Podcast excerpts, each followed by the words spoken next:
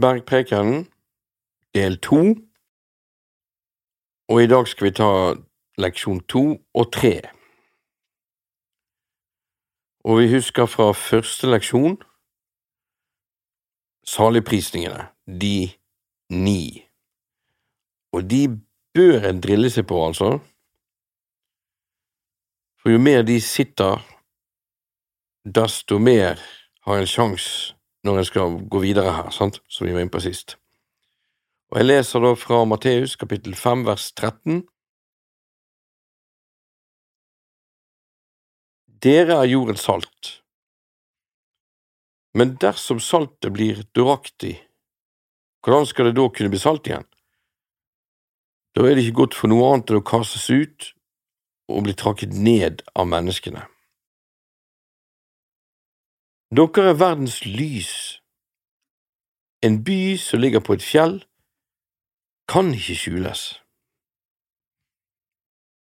En tenner heller ikke en lampe og setter den under et kar, men i en lampeholder. Da gir den lys til alle som er i huset. På samme måte skal dere la lyset deres skinne for menneskene, slik at de kan se de gode gjerningene deres og ære deres Far, Han som er i himmelen. Og vi stopper der, for dette er den neste av de ca. 24 leksjonene som er i Bergprekenen. Så da ser vi på hver og en av de spesifikt. Så her er det tre vers, og så kommer det en formaning i det fjerde verset, og hver gang det er en formaning, må vi spisse ørene. Eller vi kan si en befaling. Vi hadde en befaling, husker vi, i saligprisningene. Da ble du befalt å fryde og glede deg, eller juble i glede, når de hånte og forfulgte dere og for min skyld lyger all slags ondt om dere. Så her er det en del opplysninger, og når Jesus kommer med opplysninger, så er det på en måte et poeng å bli de bevisst. Så det er sånn at ikke alle som er klar i ånden, kan vi si, når vi nå går gjennom dette, la oss ta en kort bønn. Kjære Far, jeg ber deg velsigne hver og en som lytter her nå at de lytter, og at Den hellige ånd får virke på de hjertene deres, og at du får frem Jesus og Hans ord til hver og en av oss. Amen. Takk, Jesus. Takk, kjære far, for det. Halleluja. Ok, dere er jordens salt, begynner det med her. Så la oss snu på det og si, hva skjer hvis vi tar vekk alt saltet fra jorden? Vel, alle planter, dyr og mennesker dør med en gang, for alt med liv i har salt i seg. Det er jo sånn at det må være en viss saltholdighet i hver plante, for hvis saltet i jorden blir mere, hvis det er mer salt i jorden enn i planten, så tørker planten ut.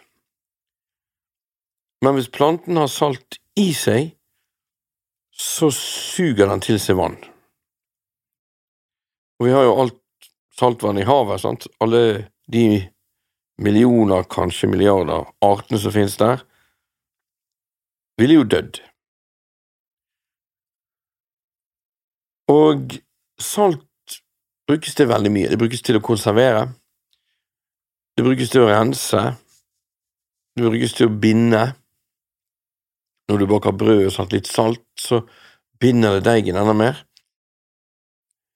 Det brukes til å Ja, sånn snø, det vet jo vi som bor i Norge.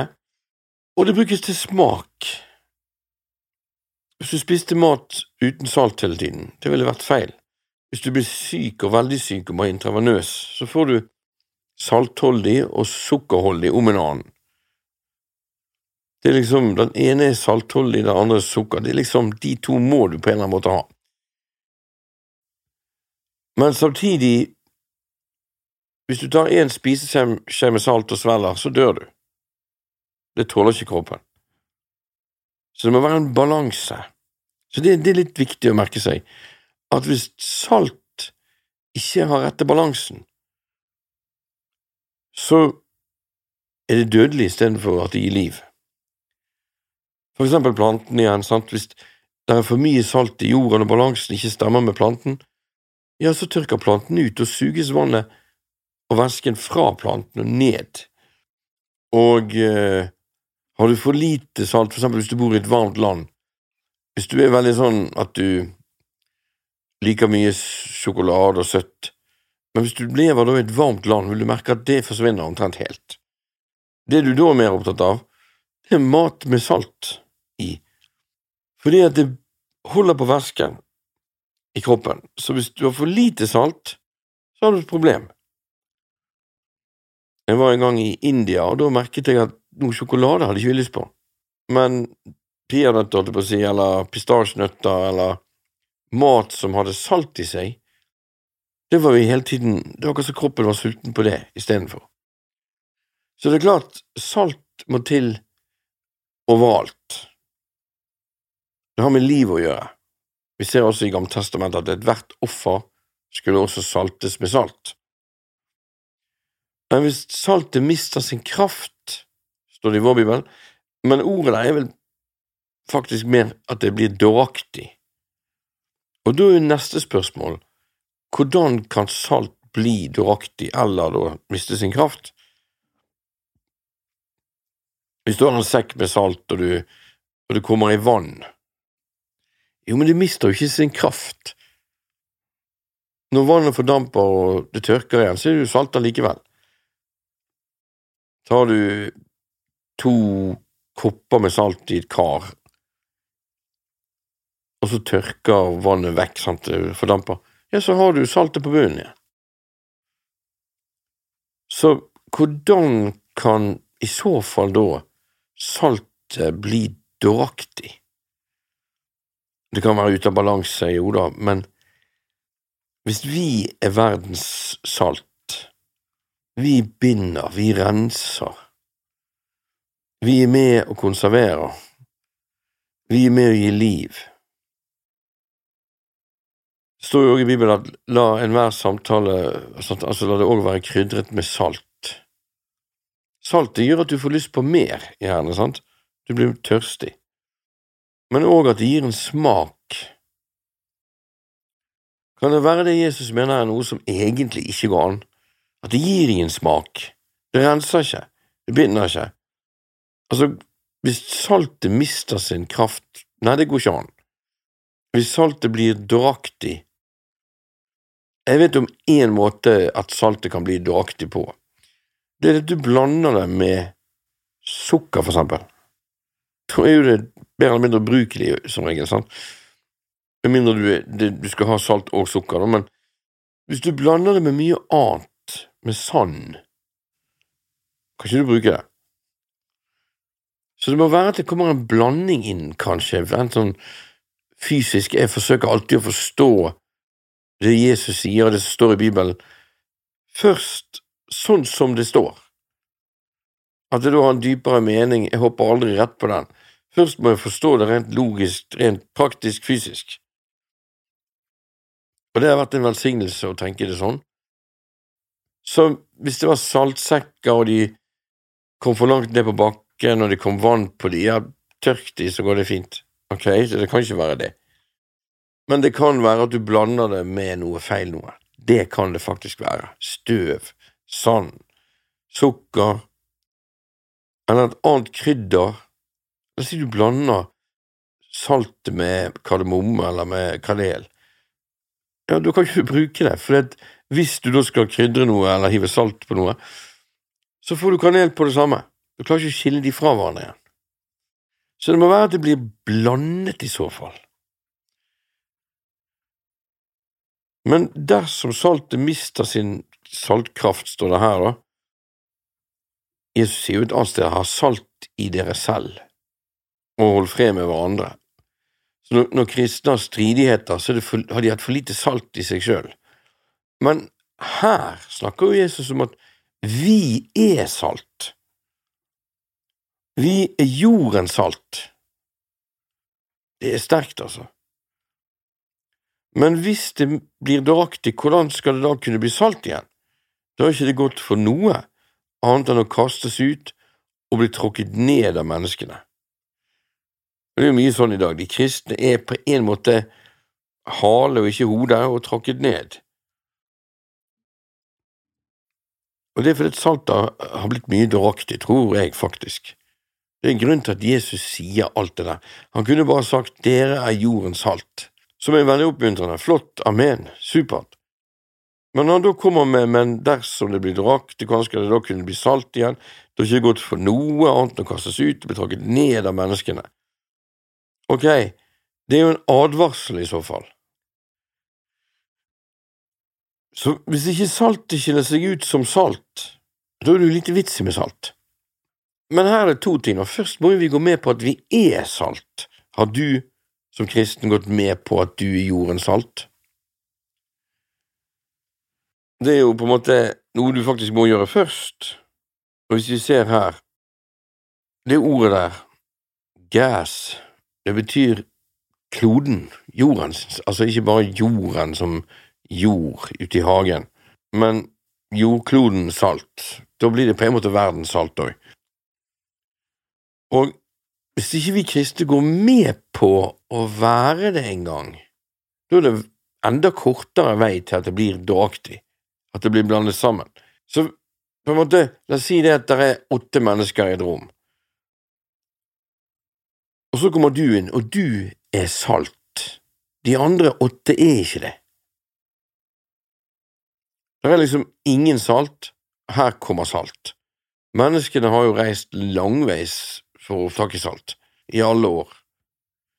Altså, hvis du bodde oppe i fjellet og skulle ned til bygden og hente proviant, noe av det du hentet da, var alltid salt. Så det er klart at salt er mye verdt. I hvert fall i tidligere tider, når det var vanskeligere tilgjengelig. Så du er på en måte en viktig, viktig, viktig ingrediens, kan vi si. Vet du det sjøl at du er det? Vet du at her sitter de åtte her, saltløse, og så kommer du inn og tilfører det hele smak. Du tilfører det hele en rensing. Du tilfører det hele en, hele en sammenbinding. Du, du tilfører det liv. Det var ikke det før du kom inn i rommet. Vet du om det, at sånn er du? Så det er nummer én, vi må på en måte grunne litt på denne der, tenke igjennom det. Vi er salt. Og det skjer ikke bare ved at du hører det forsynt eller leser det. Du må på en måte gå med på det. Når Jesus sier at den som hører disse mine ord, gjør etter de, det er jo ikke noe du skal gjøre her, eller er det det? Er det sånn at det å gå med på det han sier, det er det du kan gjøre? Faktisk ja. Så det er jo liksom flaut i enkelte sammenhenger å si en kristen, sånn har det blitt, sånn. Ikke for meg, jeg har alltid vært stolt av det. Jeg roser meg i Herren, jeg booster meg, som det står i Gammeltestamentet. Det står ikke det i våre bibler, men det er det det betyr. Jeg er stolt av å tilhøre Jesus, men jeg har merket mange brødre og søstre er litt skamfulle. Jeg husker en gang jeg òg var skamfull. Det var rett før jul, og jeg var i sentrum av byen, og det var litt kaldt, Kanskje det var litt snø, men jeg husker ikke helt det, men det var i hvert fall kaldt, husker jeg. Og da gikk jeg litt aleine og litt sånn ensom. Prøvde å snakke litt med Gud, og jeg går og til på tur i byen, jeg, og snakker med han noen ganger, er det veldig bra, noen ganger er det kanskje litt sånn ensomt, jeg merker ikke så mye Gud, det kan variere litt. Den gangen der traff jeg på flere fra tidligere i livet naboer og bekjente. Hun ene hadde jeg gått i klasse med, men det var liksom tre–fire menn, fire menn var det vel, med hustruene sine, konene sine. Og jeg kjente til han ene, for han hadde vært leder på en jobb som jeg var med på, og det, det gikk ikke så bra, vi klarte ikke å Altså, han, han behandlet oss dårlig, synes jeg å huske, altså. Så jeg trakk meg ut derfra. Og han hadde helt sikkert tenkt å få meg ut uansett, for han skulle ha alle ut og nye folk inn. Og siden har ikke jeg sett han. Og så var det naboen min, jeg mener han er elektriker, han var alltid dyktig, husker jeg. Han var gift med en som jeg gikk i klasse med tidligere. Og så var det to til, og disse var veldig pent kledd, med frakker og fine klær, så jeg. Det var ikke jeg. Og vi møttes akkurat ved inngangspartiet på et fint sted i byen. Sted som det både gikk an å spise og bare å sitte og drikke en kopp kaffe. Og det var kveld, og da var det liksom Hei, Karsten, hvordan går det med deg? Jeg hadde på den tiden ingenting å si. Jeg var blitt uføretrygdet, livet var tøft, jeg hadde ingen utdanning, og jeg husker jeg følte meg veldig tilkortkommet, jeg følte meg veldig som en taper. Ikke jeg var gift, og ikke var jeg vellykket, ikke hadde jeg fine klær. Ja, de på, hadde vært på julebord og Eller skulle Nei, de hadde vel vært, faktisk. Og du, da? Nei, jeg bare går tur i byen, liksom. Ja, hvordan går det med deg? Og så sto de liksom i sånn halvsirkel rundt meg.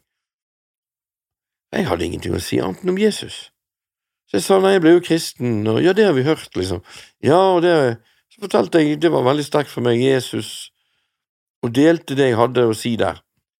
At det har jeg aldri angret på, han kom, han møtte meg når jeg tok imot han, og jeg hadde ikke trodd at det var mulig engang, og og jeg delte jo, da, når jeg begynner å snakke, så kan det, kan det gå sin gang.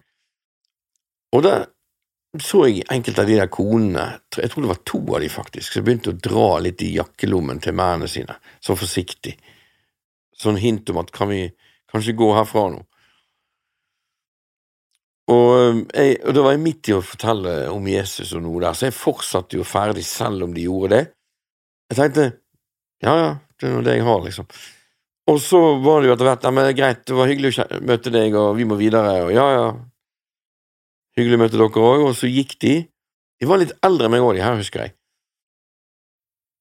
Men en av de ble litt igjen, og det var han som jeg hadde hatt litt sånn vanskelig forhold til tidligere, faktisk før jeg var kristen, før jeg ble frelst. Han kom bort til meg, tok meg i hånden og sa vet du hva, det var veldig kjekt å, å se deg igjen og høre det du hadde å fortelle. Ok, sa jeg, ja, det var kjekt å møte deg òg.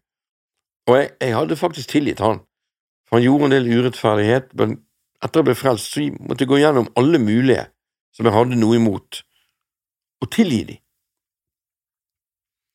Og unne dem å bli frelst og komme til himmelen og få tjene Gud, sånn. Så det var ikke det jeg kjente, jeg hadde ingen nag til han mer. Men han kom bort og sa det, og jeg syntes jo det var greit. Men jeg hadde noe annet på innsiden av hjertet akkurat da, for jeg begynte å føle meg Jeg følte meg veldig dum, rett og slett. Så jeg var en hyggelig mann, jo. Ja, det var veldig kjekt å høre deg, sa han, og det du hadde å fortelle. Ja, det var kjekt å høre seg. Og så sa vi ha det, og så gikk de, og så gikk jeg. Og utenfor det stedet er det en åpen, lang plass i byen. Og der kan folk gå over og sånn. Jeg husker jeg gikk over der, det var kaldt, og inni meg jeg følte meg så dum. Jeg følte meg som en taper. Jeg følte meg så tragisk, altså. Gud, jeg føler meg så dum. Og jeg hørte Gud plutselig si til meg, den som skammer seg over meg og mine ord, vil også jeg skamme meg over Nei, nei vent, vent, vent, Gud. Jeg, jeg, jeg skammer meg ikke over deg, og heller ikke over evangeliet, men jeg skammer meg over meg. Fordi at det, ja, men det blir det samme, det, sa han. Det blir det samme, tenkte jeg. Hæ? Ja, du er min nå, ikke du det? Jo. Ja, så hvis du skammer deg over deg fordi du ikke er så vellykket, sant? Altså, han sa ikke det, da, men jeg husker det var jo det som var grunnen, så skammer du deg over meg, for du er min.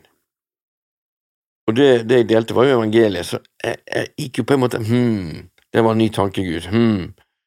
Men altså, det er jo ikke det jeg gjør, men det blir det samme som han. Du er min, du står for evangeliet, du deler det. Skammer du deg da, så er det nøyaktig det jeg mener. Oi, det har ikke jeg tenkt på før. Mm -hmm. Oi, oi, oi. Og så bare, ja, men Gud, hva skal jeg gjøre da? Jeg vil du skal be for dem, sa han. Be for hver enkelt av dem. Be om at ordene du sådde, skal nå, nå hjertet deres. Og jeg ba da, kjære far, må du velsigne dem, må du Jeg var lydig på den, da. Så gikk det en uke, så var det en alvorlig ulykke i romjulen oppe på Haukeli, faktisk. Og der var det en trailer, en, en svær lastebil, som hadde krasjet med en personbil. Og da eh, kunne ikke de sende redningshelikopter eller noe, fordi det var så enorm storm og vind. Han trailersjåføren, han tok ut teppet og fikk ikke opp døren til han som var inne i bilen. Så han tok ut et sånn ullteppe og tok det inn til han så han kunne varme seg. Og det, jeg tror det gikk helt til morgenen før de fikk hentet han ut. Da måtte de sage opp døren, tror jeg. Og det var han som kom bort og tok meg i hånden og sa at det var så fint å høre på. Og han ble fraktet til eh, sykehus, og da gikk han inn i koma og kom ut av koma og inn igjen, og sånn svevde det frem og tilbake i ca. en ukes tid, og så døde han.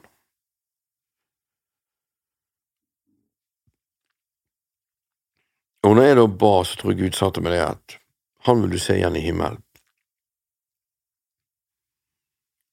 Og det du delte, bruk deg. Og jeg tror Gud viste meg, vet, når folk kommer i den situasjonen at, de er skadet og det kan stå om livet, så begynner man å be sånn. Og da hadde han noe. Det var ord der som Gud kunne bruke, som jeg hadde vært med og så. sant? som Gud kunne bruke til å hjelpe han. Så amen. Og etter det tenkte jeg at aldri mer skal jeg skamme meg over meg sjøl eller Jesus eller evangeliet. Jeg har aldri skammet meg over Jesus, og heller ikke over evangeliet. Kanskje litt i starten og ikke forsto det og syntes det virket urettferdig her og der.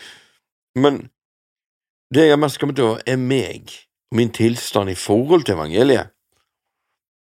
Men nei, jeg har det jeg har, jeg er den jeg er, og det, sånn er det, og jeg står meg ved Jesus uansett. Og i dag er jo klart noe helt annet. I dag har jeg verdi, for det Gud har vist meg, jeg hadde jo det da, men Gud har vist meg verdien min. Jeg vet at jeg er lys i verden og salt og så videre. Så amen, jeg ville dele det fordi at du må aldri tenke at ikke du har noe, ikke kan noe, eller du ikke har verdt så mye. Du er jordens salt, en del av saltet på jorden. Jeg leser det om igjen nå. Dere er jordens salt, men dersom saltet blir dåraktig, hvordan skal det da kunne bli salt igjen? Da er ikke det godt for noe, annet enn å kastes ut og bli tråkket ned av menneskene. Dere er verdens lys. En by som ligger på et fjell, kan ikke skjules. Det er altså en ny en. Har du gått med på at du er verdens lys? I verden er det jo mørkt, og lyset i verden, det som er lys i åndeverden, det er oss kristne. Demonene ser at vi lyser. Menneskene ser det ikke.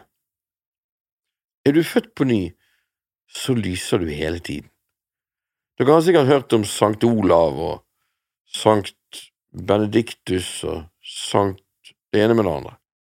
Men sankt betyr hellig, og når du er født på ny, så er du hellig. Ja, hvis du lever hellig. Nei, du er hellig. Ja, hvis du søker Gud. Nei. Hvis du er født på ny, er du hellig hele tiden. Om du velger å velte deg i en grisebinge, som selvfølgelig ikke vil anbefale noen å gjøre, du er likevel hellig. Tar du gull og legger det i kloakk for den saks skyld, det er likevel gull. Du er hellig, og du er lys. Så når du beveger deg, så vet åndeverdenen om at her er en med lys. Du sitter på bussen, her er en med lys. Og menneskene kan oppdage det av og til, de òg. De i hvert fall merker det er noe. Sant? Jesus sier enda sterkere òg, sant, en by som ligger på et fjell, kan ikke skjules. I dag ligger jo gjerne ikke byer på fjell, de er gjerne inne i vikene og dalene, og i hvert fall i Norge. Så det fenomenet hører jo tidligere tider til, fordi at da måtte jo byen beskyttes. Så de som skulle eventuelt angripe byen, de måtte ha ulempen med at de måtte angripe oppover, motbakke, og gjerne da bli møtt av en mur og så videre. sånn. Eller du var langveisfaren, du gikk langt, og så begynte det å bli mørkt, og der fremme lyser det opp. For det er veldig lett å se det når det er mørkt ute, sant, og det er stjernehimmel eller mørkt. Hvis det er et sted det er lys da, så lyser det opp over det stedet, sånn at du ser hvor det er lys om natten. Så dere er verdens lys, en by som ligger på et fjell kan ikke skjules. Altså, du kan ikke skjule at du er kristen likevel, men du er mektig som en by, og du er lys, og du er salt. Videre sier Jesus, en tenner heller ikke en lampe og setter den under et kar, men i en lampeholder, da gir han lys til alle som er i huset. Så lampeholder er jo ofte et slags midtpunkt, faktisk. Du er et midtpunkt. På samme måte skal dere la lyset deres skinne for menneskene, slik at de kan se de gode gjerningene deres og ære deres Far, Han som er i himmelen. Her er det litt viktig å se at vi skal ikke gjøre det foran menneskene for, for å vi… Altså, det står ikke det at dere skal la deres gjøre deres gjerninger for menneskene, det er ikke det det står. Det står la lyset deres skinne for menneskene, slik at konsekvensene blir at de ser de gode gjerningene deres og ærer deres Far, Han som er i himmelen. Så du prøver ikke å gjøre noe foran mennesker for å imponere de eller viser de noe. Nei, men det du gjør, du lar lyset ditt skinne. Det betyr at du er bevisst den unike verdien din, og at du har noe å komme med, enten det er visdom eller praktisk hjelp, eller hva det måtte være, og du lar det skinne, du lar, du lar de få se at ja, her er det lyst, her er det fint. Og konsekvensen, er da ser de de gode gjerningene våre. Så vi har ikke fokuset på de gode gjerningene, men i og med at vi er født på ny, så har vi mye gode gjerninger, og vi er lys. Det betyr at vi lyser opp. Vi viser vei, vi velsigner, vi hjelper, vi… Er det noe med nød, vi kommer med trøstens ord eller med bønn der vi ber for de, med de, selv om ikke de er vant til å be. Gud liker at vi er frimodige der, det liker de og det. Mange ganger har jeg sagt at nå skal jeg ta og be litt, grann, og bare gjort det. Andre ganger har jeg spurt, det er greit at jeg ber et minutt eller to, og alle er stort sett alltid takknemlige for det. Noen gråter og de merket Gud, sier de, sant? Andre ganger så er det det å lytte på noen, det er en god gjerning, la de få snakke ut, det vanskelige sorgen. Andre ganger er det faktisk at du, jeg har bil, jeg kan kjøre der for deg, eller jeg kan kjøre deg. Eller lyset mitt skinne. Lys, det, det viser vei òg, det, det løser ting. Du ser ikke godt nok, så får du lys over det, ok, det løste seg. Så det å være lys, da er det ofte løsning.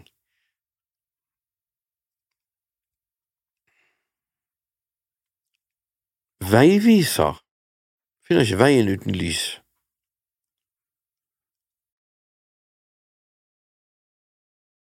Eller noen kommer hjem til deg, og der gjør du det du pleier å gjøre.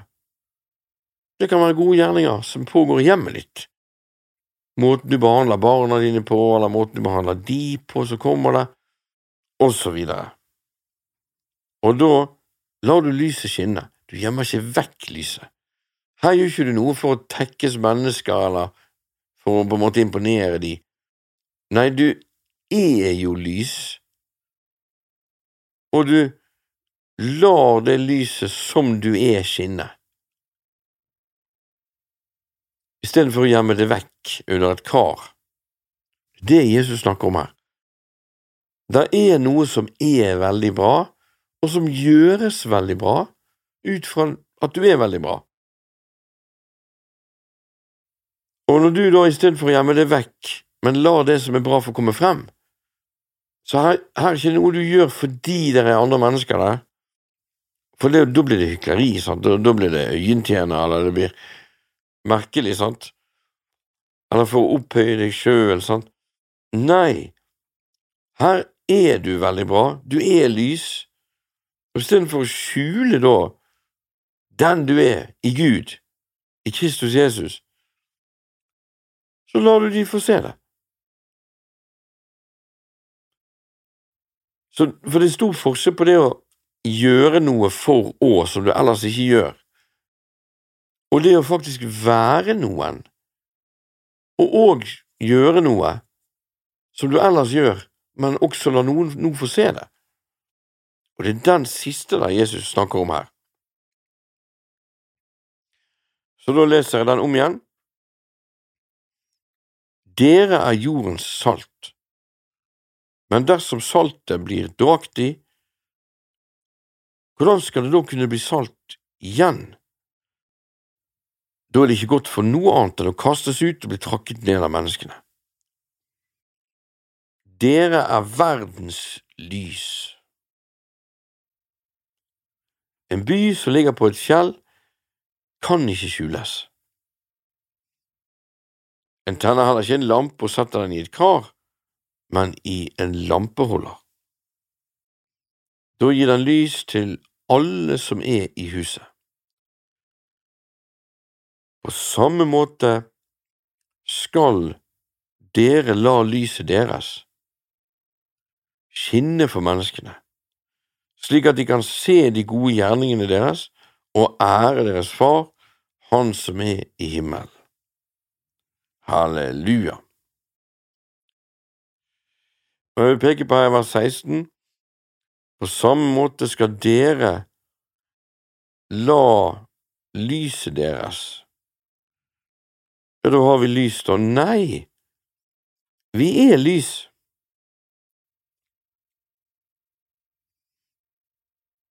Dere er verdens lys, og lenger nede, på samme måte skal dere da, som er lys, La lyset deres, lyset som dere da er, kan vi si, skinne for menneskene. Er du født på ny? Skinn! Fortsett å skinne, og ikke skjul deg. Er du født på ny, du er salt, du er lys, du er en by bygget på fjell, og det er meningen at de andre skal se lys fra deg. Halleluja. Og i den forbindelse vil du komme frem de gode gjerningene som du har òg. Ok. Så skifter Jesus tema for tredje gang, altså leksjon tre. Da er vi kommet til vers 17. Jeg leser gjennom det. Tro ikke at jeg er kommet for å oppheve loven eller profetene. Jeg er ikke kommet for å oppheve, men for å oppfylle. For sannelig sier dere, før himmel og jord forgår, skal ikke den minste bokstav eller en eneste tøddel av loven forgå før alt er oppfylt. Den som da bryter ett av de minste av disse bud, og lærer menneskene dette, han skal kalles den minste i himmelsriket. Men den som gjør etter de, og lærer andre de, han skal kalles stor i himmelsriket. For jeg sier dere at dersom ikke deres rettferdighet langt overgår den til de skriftlærde og fariseerne, skal dere aldri komme inn i himmelsriket. Ja, her var det noe som kan se bra ut, og noe som var så radikalt at man kan få sjokk, nesten. La oss se på det. Tro ikke eller tenk ikke at jeg er kommet for å oppheve loven eller profetene. Det betyr at loven ikke er opphevet, og ikke profetene heller. Så langt i det han sier, i hvert fall. Jeg er ikke kommet for å oppheve, men for å oppfylle. Og hva er forskjellen på de to? Oppheve, da gjelder ikke de reglene eller de budene eller de lovene lenger, men oppfylle, da gjelder de, og konsekvensen av at du holder de, er at da skal det gå deg veldig vel. Og konsekvensen av at du ikke holder de, er straff. Når Jesus da oppfyller de, ja, så holder han de alle sammen, men han òg tar all straffen for å bryte de, men det gjør han på våre vegne. Så Gud har aldri forandret seg, den standarden du finner i loven er den samme. I dag og for Gud er den samme, og vi er mennesker skapt av Han, og her er, vi kan si bruksanvisningen, håndboken. Og går det for mye feil på de tingene der, så går det dårlig med deg, men i tillegg bryter du noen av de, altså den som gjør de skal leve ved det, står det sånn, så Derfor hadde de ofringene som skulle dekke all brytingen som også kom til å skje. Forsoningsdagen og så videre, sant? Så Jesus, han oppfylte det og betalte for det, og dermed kan vi si det at hvis loven ikke gikk an for noe menneske å holde til punkt og prikke, hvorfor da loven? Og loven var på en måte et eksperiment, kan vi nesten si, fordi den viste oss hvor dårlig det sto til med oss. Og den var tidsbestemt, og den hadde et mål, nemlig Kristus Jesus. Så er det Kristus lovens endemål, står det. Jesus Kristus er lovens endemål for hver den som tror. Så loven hadde en ende, det var Jesus, og et mål, det var Jesus. For bare én kunne oppfylle loven, og det var Jesus. Så han pekte frem mot han ene som kunne få oss ut av elendigheten under synd. For at vi var under synd, det kunne vel kanskje noen diskutere her før, men etter at Gud ga jødefolket loven, ja, da var det ikke mer å diskutere. Han slapp å gi det til samene og til svenskene og til filippinerne og alt mulig i tillegg. Det holdt med at han ga det til jødene, da fikk vi se hva som skjedde, og det gikk ikke så bra. Fordi at det var ikke noe galt med loven, men menneskene var blitt pervertert, så de hadde ikke sjans i havet til å klare det likevel. Så kom Jesus, han hadde og han gjorde.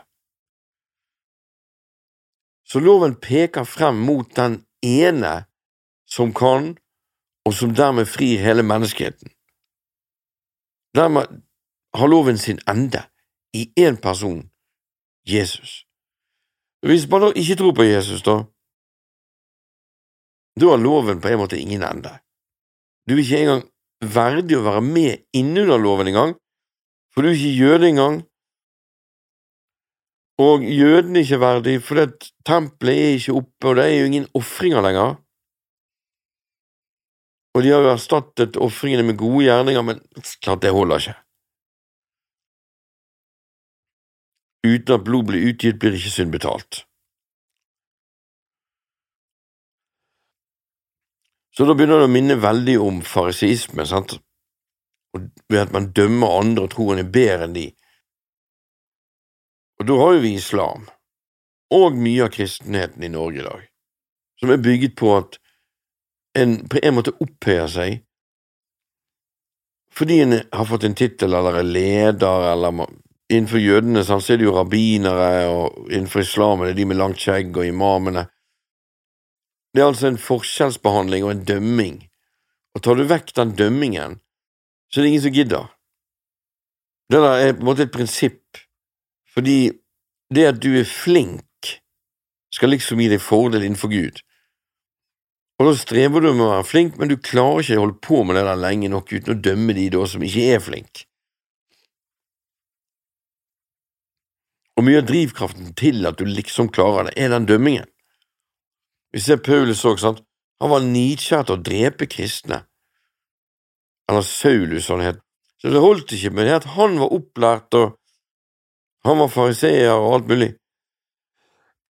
Nei, han måtte være ute etter de som ikke var det. Og Det er menneskets streven etter å bli god nok for Gud. Jesus er jo motsatt. Istedenfor vi arbeider oss opp til Gud, så gikk Jesus ned til oss, betalte for hver og en av oss. Så Kristus er lovens endemål for, for hvem? Jo, for hver den som tror. For tror du ikke, så har du selvfølgelig mange problemer.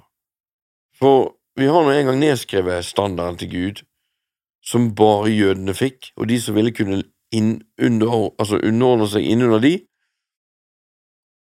og dermed få nåde. Gud har alltid gitt den åpningen til alt og alle. Også Jakob og Esau, sant? Hadde han tjent sin bror Jakob, han har blitt mektig velsignet. Det er alltid sånn at hvis du underordner deg under der Gud er, så velsigner Gud deg.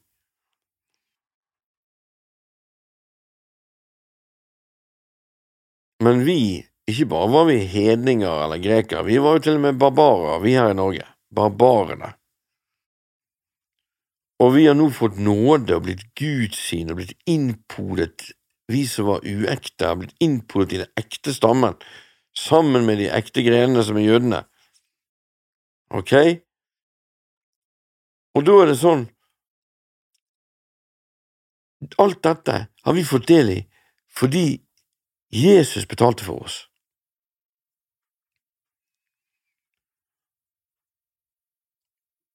Så vi hadde ikke sjanse til å begynne å følge loven likevel, for da måtte vi først blitt jøder, og så har vi et nytt problem igjen, for jødene i dag holder jo ikke loven heller. For det går ikke an. For de kan ikke ofre i tempelet, for det er ingen tempel.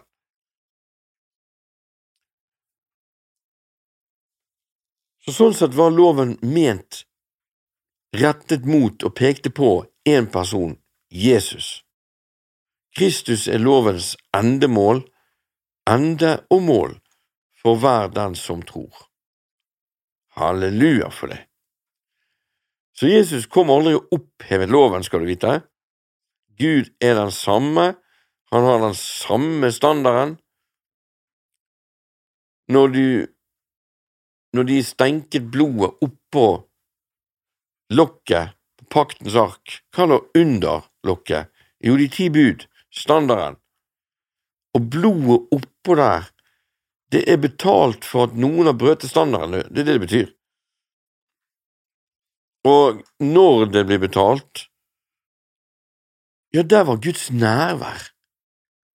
For da har Gud ingenting imot mer. For at han er hellig, og så lenge det er betalt, er det også hellig. Du er hellig. Men så sier Jesus noe merkelig videre. For sannelig sier det i vers 18 nå. Før himmel og jord forgår, skal ikke den minste bokstav eller en eneste jota eller tøddel eller prikk i loven nå forgå før alt er oppfylt. Altså, det er ingen oppheving av det som står i Mosebøkene i Gamle Testamentet. Nei, det vil skje en oppfylling av alt sammen, sier Jesus. Og så kommer det den som da bryter et av de minste bud av disse bud, og lærer menneskene det samme. At ja, altså ja, loven gjelder ikke lenger, så du kan bare lyge, og du kan stjele, du kan banne far og mor, og du kan Hvis noen da går hen og Og det er jo 613 bud, egentlig, sant, så hvis noen går hen og bryter og lærer andre at ja, de kan bare gjøre det samme, for det er ikke så viktig, for loven er jo ferdig, den gjelder ikke lenger, den er opphevet, så tar de feil. Om du da bryter bare av de minste budene, til og med, for eksempel det her med at en mann han skal ikke rake av seg skjegget fremfor ørene, til og med skinnskjegget. Det er jo en del kristne som har tatoveringer, og så står det 'jeg skal ikke lage merker på kroppen', sånt, det heter budene. Men rett etterpå står det jo at du skal ikke ta av deg skjegget. Så alle menn må la skjegget vokse, bare. For hvis du skjærer deg skjegget, eller kutter skjegget ditt, barberer deg, ja, så det å bryte et bud. Og driver du på med det, så kommer noen til deg og kan vi bare barbere oss? Ja, det går fint. Ja, men det står jo i loven at vi skal ikke gjøre det. Nei, men det, det går helt fint. Du kan bare barbere deg. Det gjelder ikke lenger. Da ble du kalt den minste i himmelsriket. Hilsen Jesus. Men den som gjør etter de, altså det betyr gjør etter de 613 budene, da, og lærer andre de, nå skal du høre bud nummer sånn og sånn, ikke klippe deg i skjegget, ikke, ikke rakke av deg skjegget. Han skal kalles stor i himmelsriket. Og hvem hadde trodd det? At vi kristne, og alle, vi kan ikke bare bryte budene, vi kan ikke lære andre at det er greit. Nei, men hvis vi holder de og lærer andre å gjøre det òg, da er vi stor i himmelens rike. Og da er vi tilbake igjen til eh, der vi begynte, da. For jeg sa jo det at det var to vranglærer angående bergpreken. Det ene var det at det her gjelder ikke for det er ingen som klarer det likevel. Det andre, det var den med at dette var før korset, og Jesus forkynte da til jødene. Og det sa jo jeg var feil, på grunn av at i slutten av Matteusevangeliet så var det et å lære de alt det jeg har lært dere. Og dere, det var disiplene, og noen av de som ble opplært til dette her, for det var mange tusen som ble det, da, men det var i hvert fall tolv stykk, nemlig disiplene, så han lærte de det også. Så da har vi tilsynelatende et gigantproblem her, for det er jo ikke sånn vi kjenner Jesus, er det det, da? at vi skal ikke vi skal ikke forsømme loven og tenke at den er opphevet, og lære andre at det går fint, men holde de budene, gjøre etter de? Og, og lære andre det samme, og da blir vi kalt stor i himmelsriket. Det er underlig, altså. For jeg sier dere at dersom ikke deres rettferdighet langt overgår den til de skriftlærde fariseerne, skal dere aldri komme inn i himmelsriket. Altså, så her går vi fra det ene sjokket til det andre. Hva er det nå han sier, liksom? Så Jesus anerkjenner plutselig at de skriftlærde fariseerne har rettferdighet, altså. Og de var jo hypernidskjære fra de var bitte små. vi vet jo Paulus har satt ved Gamalies føtter fra han var liten av, og ble opplært i alt sett loven. Og de er voldsomt nøye med det ene og det andre. Det er jo blitt så gale at til og med i dag har jo jødene to kjøkken, ett for kjøtt og ett for meieriprodukter, et annet etter med andre ord. Koshermat. Og det er greit, det er ikke noe galt i det, for så vidt, men det har gått litt for langt. Så de skal jo ikke engang ha kylling på pizza, fordi at pizzaen har jo ost, og osten kommer jo fra kuen, og da er det fra kumelken, og du skal ikke koke en kalv i melken til moren, står det. Nå er det jo sånn når du kjøper kjøttdeig på butikken, du vet jo ikke om den kjøttdeigen er det som var kalven til Hvis du da tar litt melk oppi der, sant, eller drikker litt melk til Du vet ikke om det er moren Sant? Og hvis ikke du da skal blande Altså, du skal ikke koke altså La oss si du tar kjøttdeig, og så skal du lage lasagne, sant? Så skal du ha litt melk oppi kjøttdeigen der. Hvordan vet du at ikke den kjøttdeigen er egentlig kalven som har blitt ku, og nå blir slaktet, og så er det moren sin melk du da hiver Du kan ikke vite det. Og for å unngå da at det kan skje, så blander ikke de melk og kjøttprodukter. I det hele tatt. Men det som står i loven, er at du skal ikke koke ungen til kuen i melken fra moren. Det forstår jo alle, at det blir på en måte grotesk. Men egentlig da kunne du ta melken fra en annen ku. Det går helt fint.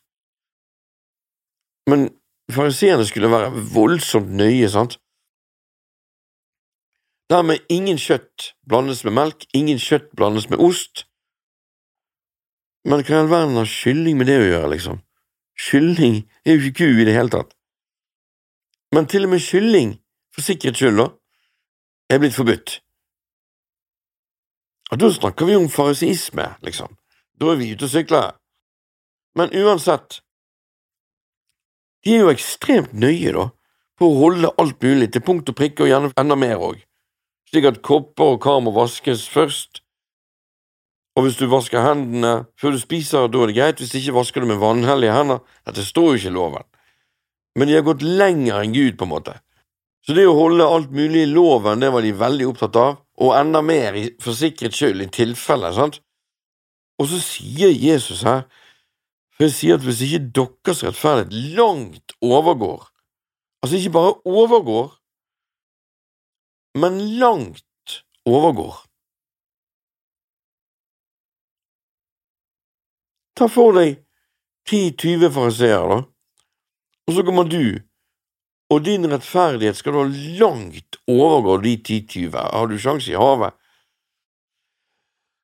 Så dette undret jeg meg veldig over, altså.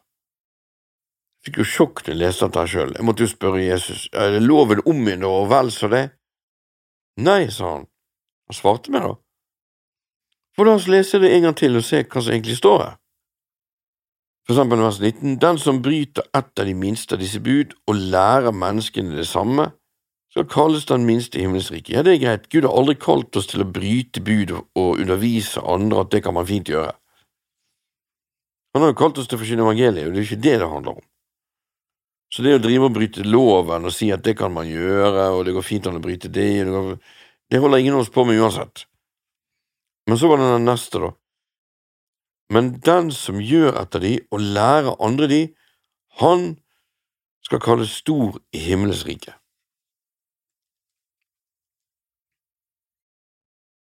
Og den han, det er Jesus.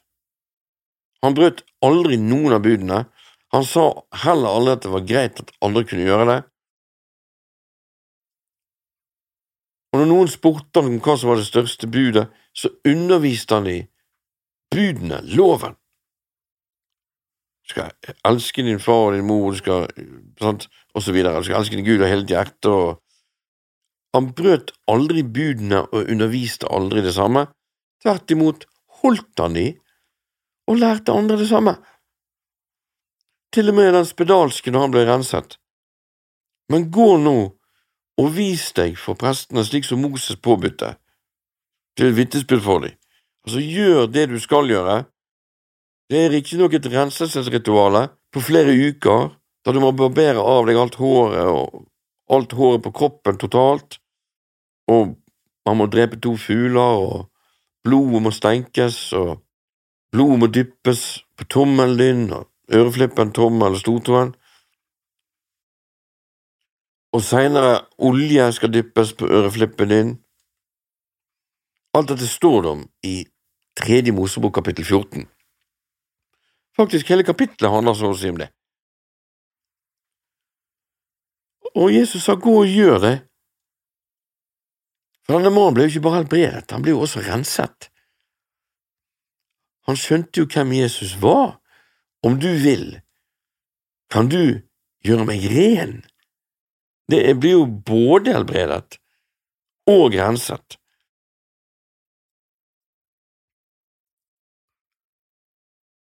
For i loven var det sånn at når du var blitt helbredet fra spedalskheten, så måtte du gjennom et veldig ritual, faktisk. Og det tok flere uker, og til slutt så kunne presten si deg ren. Men da har det vært mye arbeid og mye greier med barbering, bade legemet i vann, og ofring og blod og olje, og til slutt da så kunne presten si deg ren, mens han sier til Jesus, om du vil, kan du gjøre meg ren? Og selv om Jesus da gjorde denne mannen ren, ikke bare helbredet han altså, men også gjorde han ren, så påla han han likevel å gå til prestene og bære frem renselsesofferet slik som Moses hadde påbudt, altså å holde loven. Og Jesus kunne heller ikke si noe annet, for Jesus hadde ikke betalt for noen ennå. Det skjer ikke før på korset. Så når det står her, men den som gjør etter de og lærer andre de, han skal kalles stor i himmelsriket. Det er jo bare én som er stor i himmelsriket, det er Jesus. Så de andre har forskjellige størrelser, sikkert, men han er den store. Og så kommer det, for jeg sier dere at dersom ikke deres rettferdighet langt overgår den til de skriftlærde fariseerne, og det er klart det at hvem er det som har en rettferdighet som langt overgår den til de skriftlærde fariseerne? Jo, det er Jesus. Bare han. Hvis ikke dere har det, og at han langt overgår, skal dere aldri komme inn i himmelens rike. Det er bare én, altså, som har en rettferdighet og hadde så langt overgår, og det er Jesus.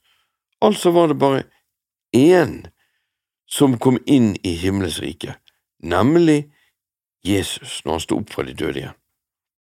Og enten da tror du på han og kom inn i Kristus Jesus, du òg, og dermed så ble du oppreist med han og sittet med han i det overhimmelske. For ett av to, det er bare én som kom til himmelen, kan vi si, og enten er du å finne i han, og det skjer ved troen på han, eller du er ikke å finne der i det hele tatt, noen gang, noensinne, i all evighet. Men takk Gud, Han er vår rettferdighet, sier Bibelen, sant? For jeg sier da at hvis ikke deres rettferdighet Ja, men Jesus er jo vår rettferdighet. Hvis ikke den da langt overgår, ja, den langt overgår jo de skriftlærde fariseerne. Og da skal dere aldri komme inn, men vi er jo inne allerede, vi er jo født på ny. Han som tok oss ut av mørkets makt og satte oss over i sin elskede sønns rike. Halleluja! Guds rike er inni dere. Takk Gud at vår rettferdighet da langt overgår den til de skriftlærde fraseerne, og at vi faktisk kom inn i himmelens rike, ikke skal komme inn. Vi er inne, vi som er født på ny. Halleluja, og da gir jo det mening at det er sånn. Takk Gud for åpenbaring i ordet. Uten det hadde jeg virkelig gått meg vill. Men jeg er alene med Gud, vet du, så spør Jesus om de forskjellige tingene. Og han elsker jo disse spørsmålene. Han elsker at du spør og lurer på mye. Det sa han i hvert fall til meg at han gjorde. Jeg ble frelst, og så sa enkelte kristne til meg, du må ikke spørre så mye, du må bare godta. Men en dag hørte Guds stemme, og han sa, jeg elsker at du spør mye. Be, så skal du få, le, så skal du finne, bank på, så skal det bli lukket opp for deg. Og så videre. Så Gud han gir visdoms- og åpenbaringsånd til kunnskap om seg, fordi han vil gi skjulte skatter til deg, og at du skal ha kunnskap om Gud, vil han, og åpenbaring. Det er han som vil det. Og hvis ikke hadde jeg rotet det godt til i denne Bibelen, altså godt jeg virkelig vil, For jeg har en regel i dag, jeg forstår ingenting, må spørre han om alt mulig. Og takk Gud for det, altså. Så leser vi denne om igjen vers 17. Tro ikke at jeg er kommet for å oppheve loven eller profetene, og det er en befaling. Her er befalingen. Tro ikke at jeg er kommet for å oppheve loven eller profetene. Ikke tro det. Jeg er ikke kommet for å oppheve, men for å oppfylle. For sannelig sier dere, før himmel og jord forgår, skal ikke den minste bokstav eller en eneste lite tegn av loven forgå før alt er oppfylt. Den som da bryter etter de minste av disse budene og lærer menneskene dette, han skal kalles den minste i himmelsriket. Men den som gjør etter de og lærer andre de, han skal kalles stor i himmelsriket. For jeg sier dere at dersom ikke deres rettferdighet langt overgår den til de skriftede fariseerne, skal dere aldri komme inn i himmelens rike.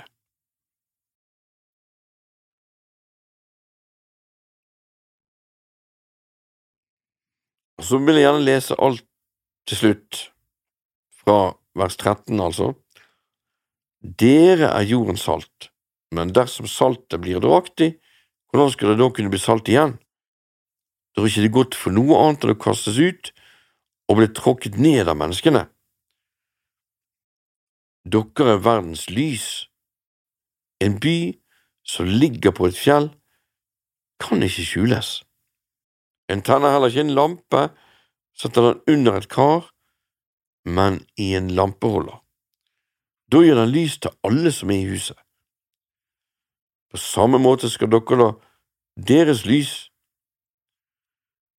eller lyset deres, ja, skinne for menneskene, slik at de kan se de gode gjerningene deres og ære deres Far, Han som er i himmelen. Tenk ikke at jeg er kommet for å oppheve loven eller profetene. Jeg er ikke kommet for å oppheve, men for å oppfylle. For sannelig sier dere, før himmel og jord forgår, skal ikke den minste bokstav eller en eneste tøddel av loven forgå før alt er oppfylt. Den som da bryter etter disse minste bud og lærer menneskene dette, skal kalles den minste i himmelsriket, men den som gjør etter de og lærer andre de, han skal kalles stor i himmelsriket. For jeg sier dere at dersom ikke deres rettferdighet langt overgår den til de skriftlærde og fariseerne, skal dere aldri komme inn i himmelsriket. Halleluja, kjære far, takker deg for dette her. Må du velsigne hver enkelt av oss enda mer og bli ett med disse ordene. Takker deg for så langt som vi har kommet, og at du lar oss grunne på det til neste gang. I Jesu navn. Amen.